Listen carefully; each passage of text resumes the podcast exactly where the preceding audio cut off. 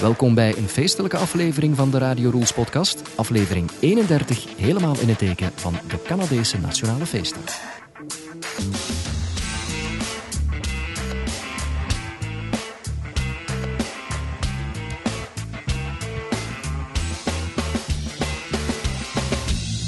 Welkom bij de Canada Day Special van Radio Rules, die tegelijkertijd ook dient als zomerspecial. Het is 1 juli vandaag, tenminste toch het moment waarop ik deze podcast online zet.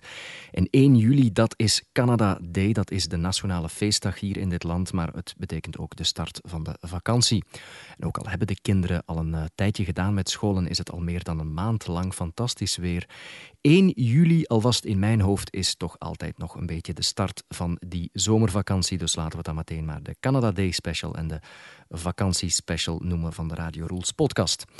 Waarover gaan wij het hebben vandaag? Wel, in deze aflevering gaat het onder meer over de verschillen tussen Canada en de Verenigde Staten. Over één welbepaald verschil tussen Canada en België wil ik het straks ook hebben. Waarom bieden toiletten aan deze kant van de oceaan zo weinig privacy? Dat is een heel concrete vraag. Verder een woordje uitleg over de staat Michigan, een gesprekje over een nieuwe Vlaamse podcast, het Kibbelkabinet. En eerst gaan we naar het schoolfeest van onze jongste dochter Fran. Ja, het is een traditie tijdens de laatste paar weken op eh, school dat de kinderen een opvoering doen, een opvoering eh, ten beste geven. Ze bereiden dan een show voor met dans en zang of een combinatie van al die dingen. En dat was uiteraard dit jaar niet anders. En dan uh, mogen de ouders komen kijken op een namiddag, zo gaat dat dan. En vorige week woensdag was het zover, toen mochten wij gaan kijken. Enfin, toen mocht ik gaan kijken. Goedemorgen, het is uh, woensdagochtend 17 juni. Het is kwart voor tien in de ochtend en ik ben op weg naar de school van Gemma en Fran. École Carrefour des Jeunes, een van de twee Franstalige scholen hier in Brampton waar onze kinderen onderwijs genieten. En wat doe ik op een woensdagmorgen even voor tien in de wagen op weg naar school? Wel, er is uh, een soort traditie op het einde van het schooljaar dat de kinderen een show opvoeren, een uh, spektakel ten beste geven. Ze hebben daar al uh, weken voor geoefend. Een soort uh, dans- en zangspektakel waar ze heel trots op zijn. En dat gebeurt dus vanochtend om 10 uur. En er is een, een andere voorstelling om 2 uur, waar onze oudste dan zal optreden. Vanochtend om 10 uur is het vooral Fran. En ehm, ja, daar ben ik nu naartoe aan het rijden. We hebben aanvankelijk proberen te onderhandelen met de school om de timing van dat spektakel naar de avond te krijgen, maar dat ging niet, dat was onmogelijk. Dus zat er niks anders op dan een vrije dag nemen en uh, zelf te gaan kijken naar dat spektakel, naar die show die de kinderen zo meteen gaan opvoeren. Dat is ook eens leuk om eens een dagje vrij af te hebben. En eens niet te moeten werken op een woensdag. Ik moet opletten, ik kan maar één ding tegelijkertijd doen natuurlijk, praten en denken en nadenken over wat ik ga zeggen en autorijden. We zijn er bijna. Williams Parkway hier. Center Drive North oprijden en daar is de school. Snel tussen wringen hier. Voilà. Dus um, het wordt uitkijken naar wat het zo meteen gaat opleveren. Die uh, show van Gemma en Fran in hun school hier in Brampton.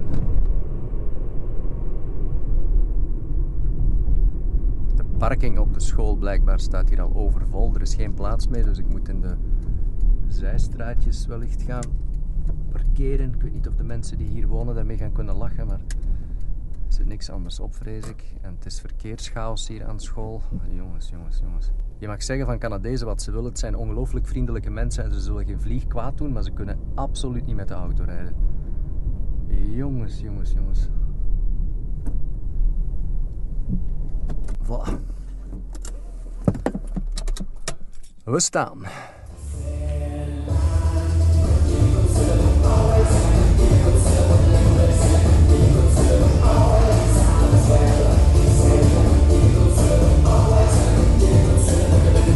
Ondertussen zitten we in de zaal, maar dat had je ondertussen al wel door, denk ik. Ik geloof dat de volgende optreden dat van Fran is.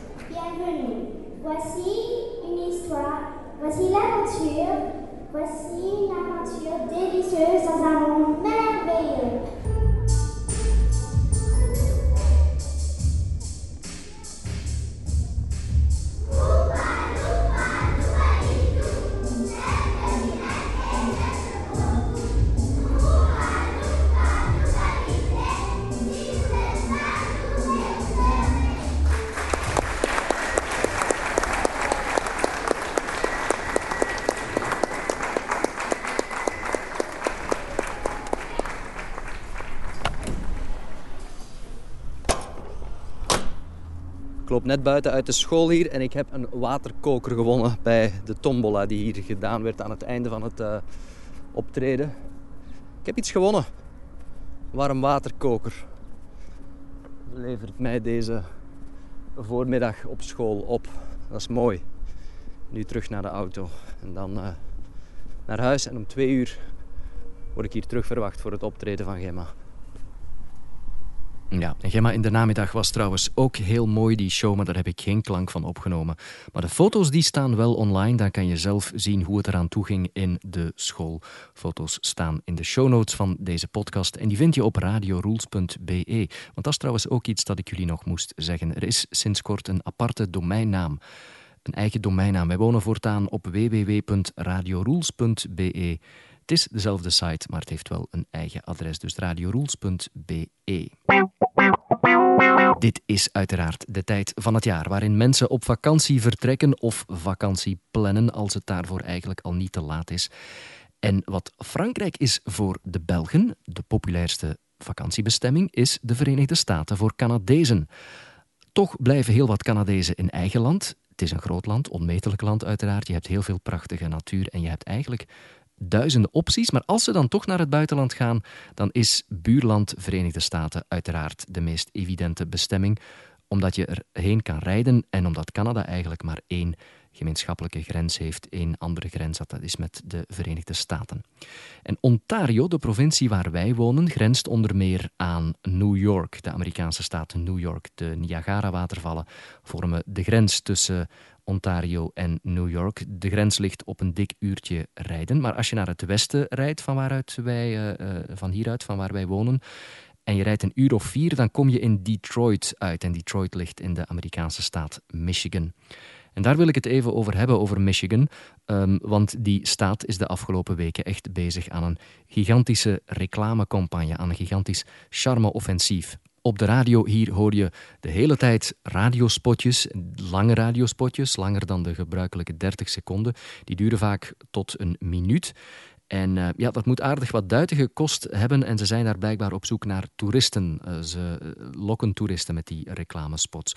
De campagne is getiteld Pure Michigan en er zijn spotjes met verschillende verhaallijnen, er zijn heel wat uh, aparte uh, varianten. Ik ga er zo eentje laten horen bijvoorbeeld. Al dagenlang horen we dit op zowat alle radiostations hier. We get up to answer the door. We stay up late to answer emails.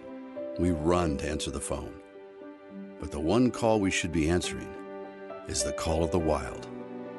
Undisturbed on the edge of Michigan is an untamed world of uncharted woods and unseen stars. A magical place overflowing with waterfalls, where the Porcupine Mountains still whisper ancient tales and legends, and the rivers seem to run into forever. A place known as the Wilds of Michigan, found in the westernmost corner of the Upper Peninsula. Here we can get back in touch with nature and back in touch with ourselves. There are vacations that give you a different view for a few days. And then there are those places that change your perspective for life Come to the Porcupine Mountains and the wilds of Michigan and see nature in its purest form. Because answering the call of the wild is pure Michigan. Your trip begins at michigan.org. Ja, geef toe, een mens zou er zo naartoe willen rijden als je dit spotje hoort. Het charme-offensief dus van de Amerikaanse staat Michigan. Het is trouwens een van die bestemmingen die we dringend ook zelf moeten aandoen. Detroit, de stad op de grens dus met Canada, schijnt tegenwoordig maar een zielige plaats te zijn na het faillissement van eh, die stad. Maar de rest van de staat, Michigan, zou echt wel de moeite zijn, horen wij uit betrouwbare bron. We zullen het op onze to-do-lijst zetten.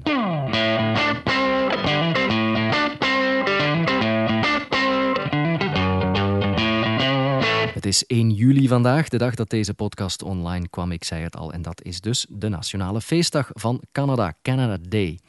Veel rood en wit in de straat wil dat zeggen. Vuurwerk vanavond, uiteraard. En een vrije dag, een dag ook waarop bijna alle winkels dicht zijn. En dat komt zelden voor op een plaats waar de economie en de samenleving eigenlijk letterlijk 7 op 7 en 24 uur per dag doorgaat. Canada viert feest vandaag op 1 juli en dat is dan enkele dagen voor de Verenigde Staten hun nationale feestdag vieren. Dat is de 4th of July, zoals je wellicht weet. Maar voor veel mensen buiten Noord-Amerika zijn Canada en de Verenigde Staten vaak hetzelfde. Dat wordt over dezelfde kam geschoren. Veel mensen zien Canada als een soort wingewest van de Verenigde Staten, dat bijvoorbeeld ook de Amerikaanse dollar gebruikt en waar Obama ook de plak zwaait. Maar dat is uiteraard niet zo. Ik moet zeggen, je, je, je, ziet het verschil in het straatbeeld vaak niet echt tussen Canada en de Verenigde Staten, maar er is wel degelijk een verschil. En dat is een zeer gevoelig onderwerp. Zeg nooit een Amerikaan tegen een Canadees, want dat levert je gefronste wenkbrauwen op. Er is een mooi videofilmpje op YouTube en dat geeft een overzicht van de verschillen tussen beide landen enkele verschillen, uh, tien om precies te zijn. Valt veel meer over te zeggen dan die tien uiteraard, maar het is ook gewoon een leuk filmpje, een grappig filmpje. Je vindt de beelden erbij op onze website, zetten we online straks, radiorules.be. Dit is dat filmpje, tien verschillen tussen de Verenigde Staten en Canada. America has a president, Canada has a prime minister. America chooses their leader from one of two political parties, Canada chooses from five. Yes, it's annoying that we have five, but it's Canada. We give everyone a fair shot, eh? Even the Parti Citron, which translates to lemon party. Yep, Canada once had a lemon party.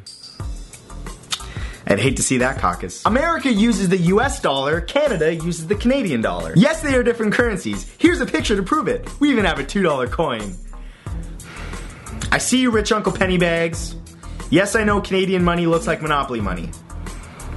That joke never gets old. Canadians often leave the doors to their homes unlocked. Not the same in America, likely because most people have guns and the crime rate is much higher. Actually, that's not entirely fair. We do have crime here in Canada. The only difference is if a robber walked into our house, we'd most likely offer him a beer and ask him to stay and watch the Leafs game, eh? Canadians and Americans spell and say some very key things differently. In Canada, we say pop. In America, they say soda. In Canada, we say letter Z. In America, they say Z. In Canada, we love the letter letter U, and we use it in many words like honor, labor, valor. But in America, they drop the U and cut straight to the chase. America! And of course, any Canadian that travels south of the border is going to get razzed about the way that we pronounce about, which sometimes comes out as a boot. And yes, we say A a lot. A. America's national animal is the bald eagle, majestic, strong, and proud. Canada's national animal is the beaver, strong and hardworking. And I know what you might be thinking. A beaver? Why'd they go and make that their national animal? Well, if you're not Canadian, it's kind of hard to explain to you, but let's just say in Canada, we love our beaver. American and Canadian landscapes are very different. America has states, 50 of them. Canada has provinces, 10 of them. Canada has a population of 36 million. America has a population of 316 million. And America has deserts. Canada has tundras. What's the main difference between the two? Well, basically, theirs is full of strippers and slot machines, and ours is full of ice and wolves. Mostly. America spends trillions of dollars on their military and has one of the biggest in the world to show for it. In Canada, we spend most of our tax dollars on universal health care. But, you know, we still have an army. It gets the job done. America gets a bad rap for having a lot of rude people. Canada, not so much. But that's just the world's perception. Believe me when I say that we have rude people in Canada. The only difference is that, you know, we apologize for it we pretty much apologize for everything. The way that America and Canada measures things is very different and often causes a lot of confusion. For example, Canada measures distance in kilometers, America uses miles. Canada's weather is measured in Celsius, America Fahrenheit. The confusion part comes in when a Canadian is talking to an American, because for example, a 30 degree day in Canada is a hot summer day. In America, that's freezing cold. Maybe that's why they think we have polar bears and igloos everywhere. And finally, America's milk comes in jugs. In Canada, our milk comes in bags. what? A bag of milk? I know, right? yeah, seriously, a lot of Americans don't know this. Our milk comes in bags. You can buy like three of these, and it's like, you know, four bucks or something like that. But yeah, comes in bags. Wow, it's like a plastic movie. right? So those are the 10 biggest differences between Canadians and Americans. And I hope that it at least cleared up some things for some of you. And uh, if it didn't, well, you know, sorry about that, eh? Tien verschillen tussen Canada en de Verenigde Staten. Het filmpje is te bekijken op onze website. Het is natuurlijk een beetje overdreven allemaal. Het uh, is zeer patriotistisch en in het voordeel van Canada uh, gedraaid. Maar het is gewoon grappig om naar te kijken en om naar te luisteren. Als het een beetje te snel ging. Dit zijn de tien punten in dat uh, videootje, de tien verschillen. Amerika heeft een president, Canada heeft een eerste minister. De Canadese dollar is totaal niet gelinkt aan de Amerikaanse dollar. Canadezen laten de deur gewoon openstaan. Er is ook verschil in taalgebruik, pop versus soda. Het nationale dier in Canada is een bever versus een adelaar in de Verenigde Staten. De Amerikanen wonen in staten, wij hier wonen in provincies. De VS spenderen gigantisch veel aan het leger, Canada spendeert gigantisch veel aan gratis gezondheidszorg. De Canadezen zijn vriendelijke en introverte mensen, terwijl de Amerikanen vaak toch wat extroverter zijn. Canadezen gebruiken het metrische stelsel, kilometers en Celsius. En Canadese melk is verkrijgbaar in plastic zakken. En nu we toch over de verschillen hebben tussen het noorden en het zuiden, een tijdje geleden lanceerden we in deze podcast een nieuwe rubriek, een nieuw item getiteld Rare jongens die Canadezen over de verschillen tussen Noord-Amerika en Europa in dit geval. En de allereerste vraag in uh, de podcast een paar uh, afleveringen terug, aflevering 29, ging over het verschil tussen 120 en 220 volt op het elektriciteitsnet. Als je dat wil herbeluisteren, moet je teruggaan naar aflevering 29. Deel 2 vandaag, nu dus, gaat over de verschillen in het kleinste kamertje. De verschillen in de toiletten. Rare jongens die Canadezen. Wie wel eens aan deze kant van de oceaan een openbaar toilet heeft gebruikt, die weet dat Noord-Amerikaanse toiletten weinig aan de verbeelding overlaten. In het beste geval zit je tussen vier inderhaast opgetrokken panelen die de grond niet eens raken en die dan ook nog eens eindigen waarbij de meeste mensen de wenkbrauwen zitten. De spleten tussen de muren onderling en naast de deur van die toiletten, die spleten zijn breed genoeg om er een deftig telefoonboek door te steken. Wat een wereld van verschil toch met Europese toiletten in luchthavens, winkels of restaurants. Dat daar zijn kleine bunkers die een atoomaanval kunnen doorstaan. En dus is de vraag deze keer waarom hebben Canadese toiletten zo weinig privacy? Wel, er zijn drie redenen. Reden nummer één: Time is money. Ook en zeker hier in Noord-Amerika. Dus elke minuut die klanten of werknemers op toilet doorbrengen, doen ze geen geld op of in het geval van werknemers kosten ze je geld. Openbare toiletten bieden dus net genoeg privacy om je ding te doen, maar te weinig privacy om te blijven lanterfanten en je, vergeef me de woordspeling, op je gemak te voelen. Die filosofie past ook in het ruimere maatschappijbeeld van grotere sociale controle en maatschappelijke autocorrectie. Je wordt verwacht van netjes mee te draaien in de maatschappij hier en mensen zullen je toch veel sneller aanspreken op afwijkend gedrag, op afwijkend sociaal of asociaal gedrag. Reden nummer twee. Hoe eenvoudiger toiletten, hoe minder materiaal er nodig is om ze te bouwen en dus is het goedkoper. En dat materiaal heeft ook te maken met reden nummer drie. Mensen breken graag dingen af in openbare plaatsen, beschadigen iets dat niet van hun is. En dus hoe minder materiaal en hoe simpeler en opener de toiletten zijn, hoe minder schade kan worden toegebracht. En voor de record, ik ben nu al uh, vier jaar, meer dan vier jaar openbare toiletten aan het bezigen hier. Ik ben nog nooit begluurd geweest op een openbaar toilet en ik heb zelf ook nog nooit iets gezien van iemand anders. Dus tenzij je echt stilstaat en actief binnengluurt, door zo'n spleet kan niemand zien wat je doet. En nog één ding wil ik er ook aan toevoegen. Openbare wc's mogen dan weinig privacy bieden. Ze zijn, tenminste hier in Canada, allemaal gratis. Wij hebben nog nooit moeten betalen om ergens naar wc te gaan. Supermarkten, winkelketens, luchthavens, busstations, bibliotheken, bioscopen, overheidsgebouwen, cafés, restaurants, speeltuinen, treinstations, gemeentehuizen, sportcentra. Het maakt niet uit. Allemaal hebben ze keurige toiletten die geen cent kosten. En zo hoort het ook. Nou ja, dit is ook nog iets Canada gerelateerd. En om dat eh, in te leiden moet ik even terug naar de Verenigde Staten. Want wie het nieuws een beetje volgt, die weet wellicht dat Jeb Bush zich kandidaat heeft gesteld voor het presidentschap in de Verenigde Staten. Onze zuiderburen kiezen volgend jaar een nieuwe president en Jeb Bush, de broer van George W. Bush en zoon van George Bush Sr., die wil dus ook uh, een gooi doen naar het hoogste ambt. En in de speech die hij gaf toen hij zijn kandidatuur aankondigde, zei hij iets heel bijzonders over Canada. Dat is jullie wellicht niet opgevallen, maar hier is het toen wel groot gespeeld. Dit is wat hij zei. I mean, we've managed to mess up almost every relationship in the world, if you think about it, including Canada, which is hard to do, but we've done it. Ja, dus de Verenigde Staten heeft zich vervreemd van en ruzie gekregen met de hele wereld, zei Jeb Bush, inclusief met Canada. En het is moeilijk om ruzie te krijgen met een Canadees, maar het is ons toch gelukt. Al dus misschien wel de toekomstige president van de Verenigde Staten. En hij alludeert natuurlijk op het feit dat Canada en de Verenigde Staten op dit moment over zowat alles anders denken en de relaties ja, toch een klein beetje verzuurd zijn tussen die twee landen. Ik mag het nog eens over podcasting hebben. Het uh, gebeurt namelijk niet zo vaak dat er nieuwe Vlaamse podcasts opduiken. De markt is zeer klein, heb ik jullie al vaak verteld. Je kan een ruime gezinswagen vullen met alle podcasters van Vlaanderen en dan heb je wellicht nog plaats genoeg voor de hond. En dus was ik blij verrast toen er een nieuwe naam verscheen in iTunes. Het Kibbelkabinet is een wekelijkse podcast die zichzelf aankondigt als de podcast die je nodig hebt om het reilen en zeilen in de wedstraat te kunnen blijven volgen.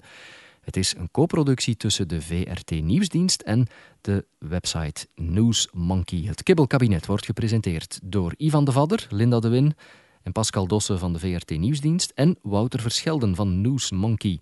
En die laatste hangt aan de Skype. Um, Wouter, hoe zou jij zelf het kibbelkabinet omschrijven? Um, het kibbelkabinet is een experiment. In die zin dat we eigenlijk geprobeerd hebben... We, dan bedoel ik vooral Ivan de Vadder en ikzelf... om vanuit onze ervaring als, als politieke journalisten... Um, het internet of ja, digitale te gaan gebruiken om, om nog eens wat dieper te gaan en wat verder te graven dan de drie minute soundbite of van mijn kant bijvoorbeeld gewoon een artikel. En um, het liep een beetje gelijk met mijn fascinatie voor het heropleven van podcast als medium in Amerika. Hmm. Um, ben ik verslaafd geraakt aan Serial op een gegeven moment, zoals velen. Uh, en toen dacht ik van ja, eigenlijk valt er wel iets mee te doen. En Ivan zat in zijn hoofd met, ik wil eigenlijk graag eens een, um, een langere talkshow doen, zo, maar een soort van extra time van de wedstrijd. En dus Extra Time is dat, voetbalprogramma ehm, op Canvas, denk ik. Waar dat ze eigenlijk, het is een interviewprogramma omdat er één voetbalgast zit. Um, maar eigenlijk is het meer een soort paneldiscussie. Um, en dat was ook een beetje wat wij wilden. Van oké, we nodigen een politieke gast uit. Maar het is meer dan enkel maar die gast ondervragen. Want dan zou je een Villa Politica of zo aan het maken zijn. Dat is ook niet de bedoeling. Het was echt de bedoeling van dat een beetje open te gooien. En eigenlijk gedurende 40 minuten de junkies, politieke junkies, um, iets, iets te geven dat heel specifiek voor hen was. Ja, en ik ben blij dat je zegt, uh, het uh, kwam door mijn fascinatie uh, van podcasts, want weinig mensen kennen podcasts. Jij, jij, jij kende het concept, jij wist wat een podcast was voor je hier aan begon, veronderstel ik. Ja, omdat um, bij ons op de redactie, we hebben een heel jonge redactie op Newsmonkey. Ik ben eigenlijk de enige oude zak hier met 35 ondertussen. Oeh, oké. Okay. ja, um, uh, bij jonge mensen leeft dat wel. Uh, een aantal van mijn redacteurs hadden mij gesignaleerd... moeten we met, met Newsmonkey niet eens iets proberen met podcasts. Um, en zo ben ik bij die serial terechtgekomen. Een aantal afgeleiden. This American Life doet een aantal heel goede dingen. Nu, ik kende NPR wel van... Ik heb, ik heb jaren in Amerika gestudeerd. Um, maar ik wist eigenlijk niet dat het zo handig was om het gewoon allemaal te downloaden. En het heeft mijn tijd in de wagen bijvoorbeeld ontzettend veel aangenamer gemaakt eh, de laatste maanden. Door gewoon in plaats van... Uh, ja, ik, ben niet, ik ben nogal een, een talk radio mens. Ik, ik, ik hou eigenlijk niet zo van te veel platen op de radio. Mm. Uh, dat is nogal uh, atypische VRT-luisteraar, vermoed ik dan. Want de, de, VRT heeft een heel strikte policy om, om zoveel mogelijk of toch relatief veel platen te draaien. En dan zijn podcasts uh, natuurlijk geweldig, want je kan eigenlijk on demand luisteren naar wat je wil en daar komt voilà. geen muziek tussen. Hè? Nee, voilà. En dat is dus voor mij een enorme verbetering um, van mijn tijd en veel tijd die je als Belg in de wagen moet doorbrengen. Ja, het is waar. En ik vind het, ik vind het geweldig, het kibbelkabinet, omdat het ten eerste een nieuwe naam is in Vlaanderen en de markt is bijzonder klein wat podcast betreft in Vlaanderen, maar ook omdat het een soort experiment is, denk ik, omdat tot nu toe de grote, de grote mediahuizen, zoals bijvoorbeeld VRT, een podcast eigenlijk gewoon zagen als een soort herverpakking van iets dat ja. toch al op antenne was geweest. En dit is eigenlijk ja content die je alleen kan horen of krijgen als je naar die podcast luistert. Hè? Voilà. Ja, en ik moet zeggen, Lode, je bent waarschijnlijk de eerste die het echt als, als een podcast bekijkt. Um, we hebben de fout gemaakt zelf in het begin om het aan te kondigen, we gaan een politieke podcast doen, maar we gaan die ook uitzenden via Meerkat en Periscope. Dat zijn zo die, de twee hypes um, van, van de laatste internetgolf eigenlijk, in die zin dat dat livestream-apps zijn. Ehm, maar daardoor waren mensen denk ik wat in de war in het begin, omdat ze dachten, ah, die gaan tv maken. Ja, ja, ja. Ehm, want we hebben ook een YouTube live uitzending er, daaraan gekoppeld. Eh, Bij ons, bij Newsmonk is de filosofie altijd van hoe meer dat we kunnen technologie gebruiken, hoe beter. Maar omdat het ook een VRT-product was, is dat ook een beetje in de perceptie van, van velen gekomen als ah, gaan tv maken. Omdat dat natuurlijk een van de core business dingen is van de VRT. Dat was en is nooit de bedoeling geweest. Het is in de eerste plaats echt een podcast. En, en ehm, wat, wat de podcast zelf betreft zijn we heel tevreden. Die Meerkat en Periscope hebben we eigenlijk ook moeten vaststellen. Goed, dat is misschien ook geen medium voor 40 minuten ehm, vanuit één camera standpunt en zo. Dat zijn allemaal technische vaststellingen hoor. Maar het, ehm, het onderliggende van we willen, een, we willen een goede podcast maken die 40 minuten boeit, dat was eigenlijk eh, het opzet. En ja, we zitten nu aan aflevering 7. Gisteren hebben we Van de Lanotte gedaan. Ik vond dat zelf eigenlijk heel interessant. Het is gewoon het is leuk om te doen eigenlijk. En dat, is, dat, dat is voor mij altijd het beste criterium als journalistiek om te weten van ben je nu iets goed aan het maken of niet? Heb je er zelf plezier in? En denk je zelf, hier heb ik iets aan, dat is al een hele grote stap. Zie je het zelf als een, als een audio-format of zie je het meer als een videoformat?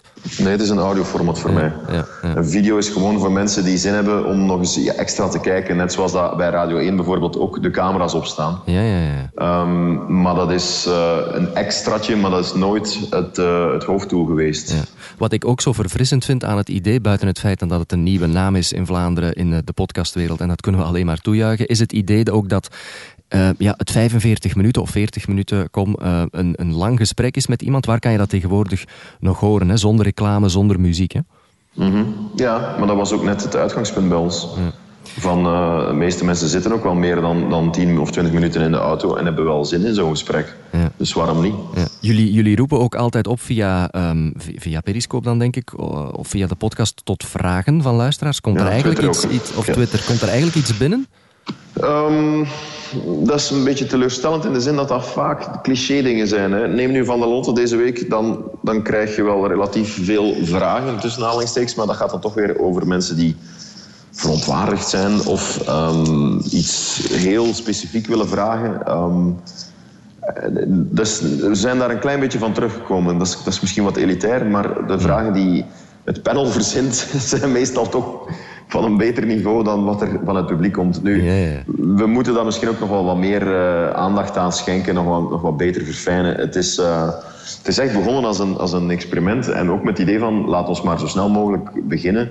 Er is niks mee verloren. Ehm, het is ook geen tv voor massapubliek of zo. hè. Je moet niet, je moet niet meteen vanaf, van de, vanaf de piloot er bonkop zitten. Nee.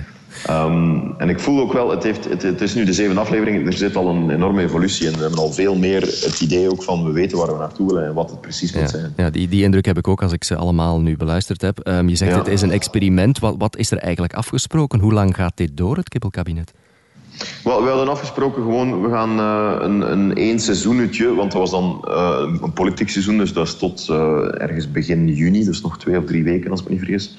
Ehm, en dan gaan we allemaal evalueren. Ehm, ik, ik vond het, het is heel organisch gegroeid, omdat Ivan en ik samen dat idee hadden en Ehm, we hebben dat gepitcht aan de VRT en ik had zoiets van, ik wil het sowieso doen met Noezemonkje, maar, maar uiteraard liever in een co-productie samen met een, groter huis, omdat ja, drie van de vier mensen die erin zitten ook VRT-mensen zijn, dus het zou ook wel raar zijn als je dan niet via, via hun kanaal nog doet. Ja.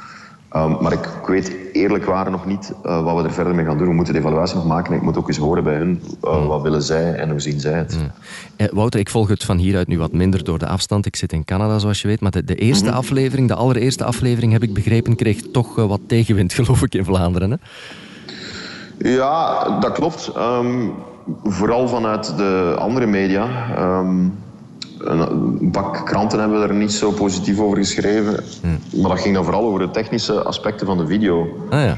Ehm, dat, dat is eigenlijk wat ik daarnet zei. Er is niemand bij onze collega's die zich afvroeg: is dit nu een goede podcast of niet? Ze vroegen zich af of dit een goede tv-uitzending was of niet. Dat leek mij niet echt de meest essentiële vraag. Ja. Terwijl ik dan denk, als ik, als ik de, de artikels eh, las, ehm, ja, misschien, misschien moet Vlaanderen gewoon wennen aan het medium aan zich, podcast. En dat, dat kan soms een beetje anders klinken en minder gepolijst klinken dan de, de klassieke tv-show. Uh, absoluut, maar ik, ik zou het anders stellen, Lode. Volgens mij is het niet Vlaanderen die moet wennen aan, aan, aan iets anders. Het zijn een aantal uh, journalisten die moeten wennen aan iets anders. En dat is een beetje mijn, mijn algemeen gevoel van media in Vlaanderen. Dat zit allemaal behoorlijk vast.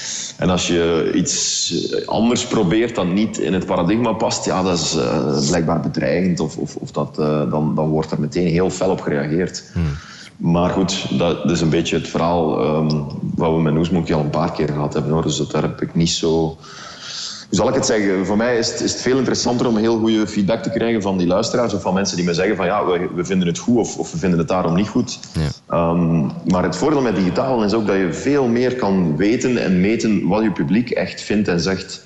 En dat je niet hoeft voor te gaan op een aantal uh, externen die, die daar hun licht op willen laten schijnen. Ja, en het is een ongelooflijk uh, ja, direct medium. Hè. Je zit letterlijk in de oren van je luisteraar die het kan downloaden, die moeite doet om het te downloaden. En dan heb je echt een geëngageerd publiek, denk ik. Hè. Dus, uh... Inderdaad, ja, ja. Goed, waar kunnen mensen het Kibbelkabinet vinden, Wouter? Plug eens even de websites of de kanalen waar we ze jou kunnen vinden. Wel, het is een co-productie, dus je kan zowel bij de iTunes-account van Newsmonkey als van de VRT kan je het, uh, je abonneren. En er is ook, um, als ik me niet vergis, Soundcloud, ook een, een abonnementstroom waar je kan dus je abonneren en, en het daar ook rechtstreeks krijgen. En het staat elke week bij ons op de site en ook bij de redactie.be. Dus dat als je gewoon een artikel tegenkomt, kan je onderaan doorklikken en dan uh, abonneer je. Zeer wel. Geen reden om niet te luisteren. Je zal het wel vinden, veronderstel ik. Het Kibbelkabinet. Uh, Wouter Verschelde van Newsmonkey, dankjewel. Hè. Heel hartelijk uh, bedankt. Ja.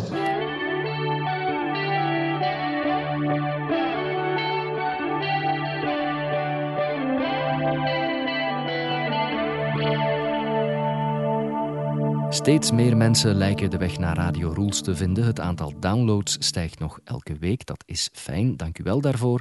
En als wat je hoort je aanstaat, laat het dan weten. Laat het weten aan mij bijvoorbeeld via Twitter of laat het weten aan de wereld via sociale media. We hebben ook een aparte Facebookpagina, mocht je die nog niet gezien hebben. Je kan ook commentaar achterlaten op iTunes. Het is maar een van de vele manieren om ons te steunen. Het wordt allemaal ten zeerste geapprecieerd. Of je kan ook gewoon iemand anders eh, even laten weten dat deze podcast bestaat. Want alle beetjes helpen, zoals je weet. Hoe kunnen we deze Canada Day special van Radio Rules beter afsluiten dan met het Canadese volkslied Oh Canada? Dat is op zich al een fantastisch mooi deuntje. Maar de versie die ik jullie ga laten horen van de Edmonton Symphony Orchestra, die doet een halve Canadees als ik zelf helemaal kippenvel krijgen. Het is een volwaardig orkest in een geweldige concertzaal die zich waagt aan het volkslied van Canada. En daar kunnen met andere woorden alleen maar goede dingen van komen. Dus de afsluiter vandaag van deze podcast. En meteen ook de reden waarom deze editie in stereo is opgenomen, is ook Canada van die Edmonton Symphony Orchestra. Dankjewel voor het luisteren en tot later.